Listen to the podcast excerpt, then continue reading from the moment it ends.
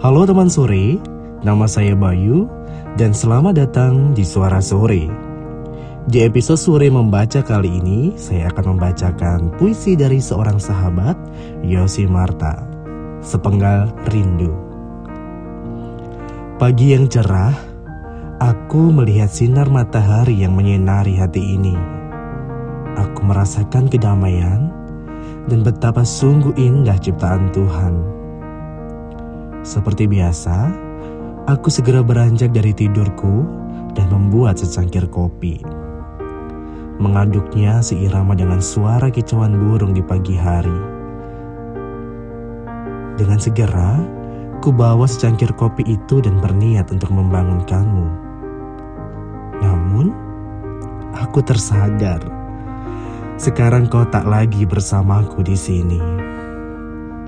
Aku pun bergegas mengambil ponsel dan mengucapkan selamat pagi sayang. Sungguh aku merindukanmu. Berharap kau segera pulang agar kita bisa kembali pada masa itu di mana kita harus berpisah dan berjuang demi menggapai mimpimu.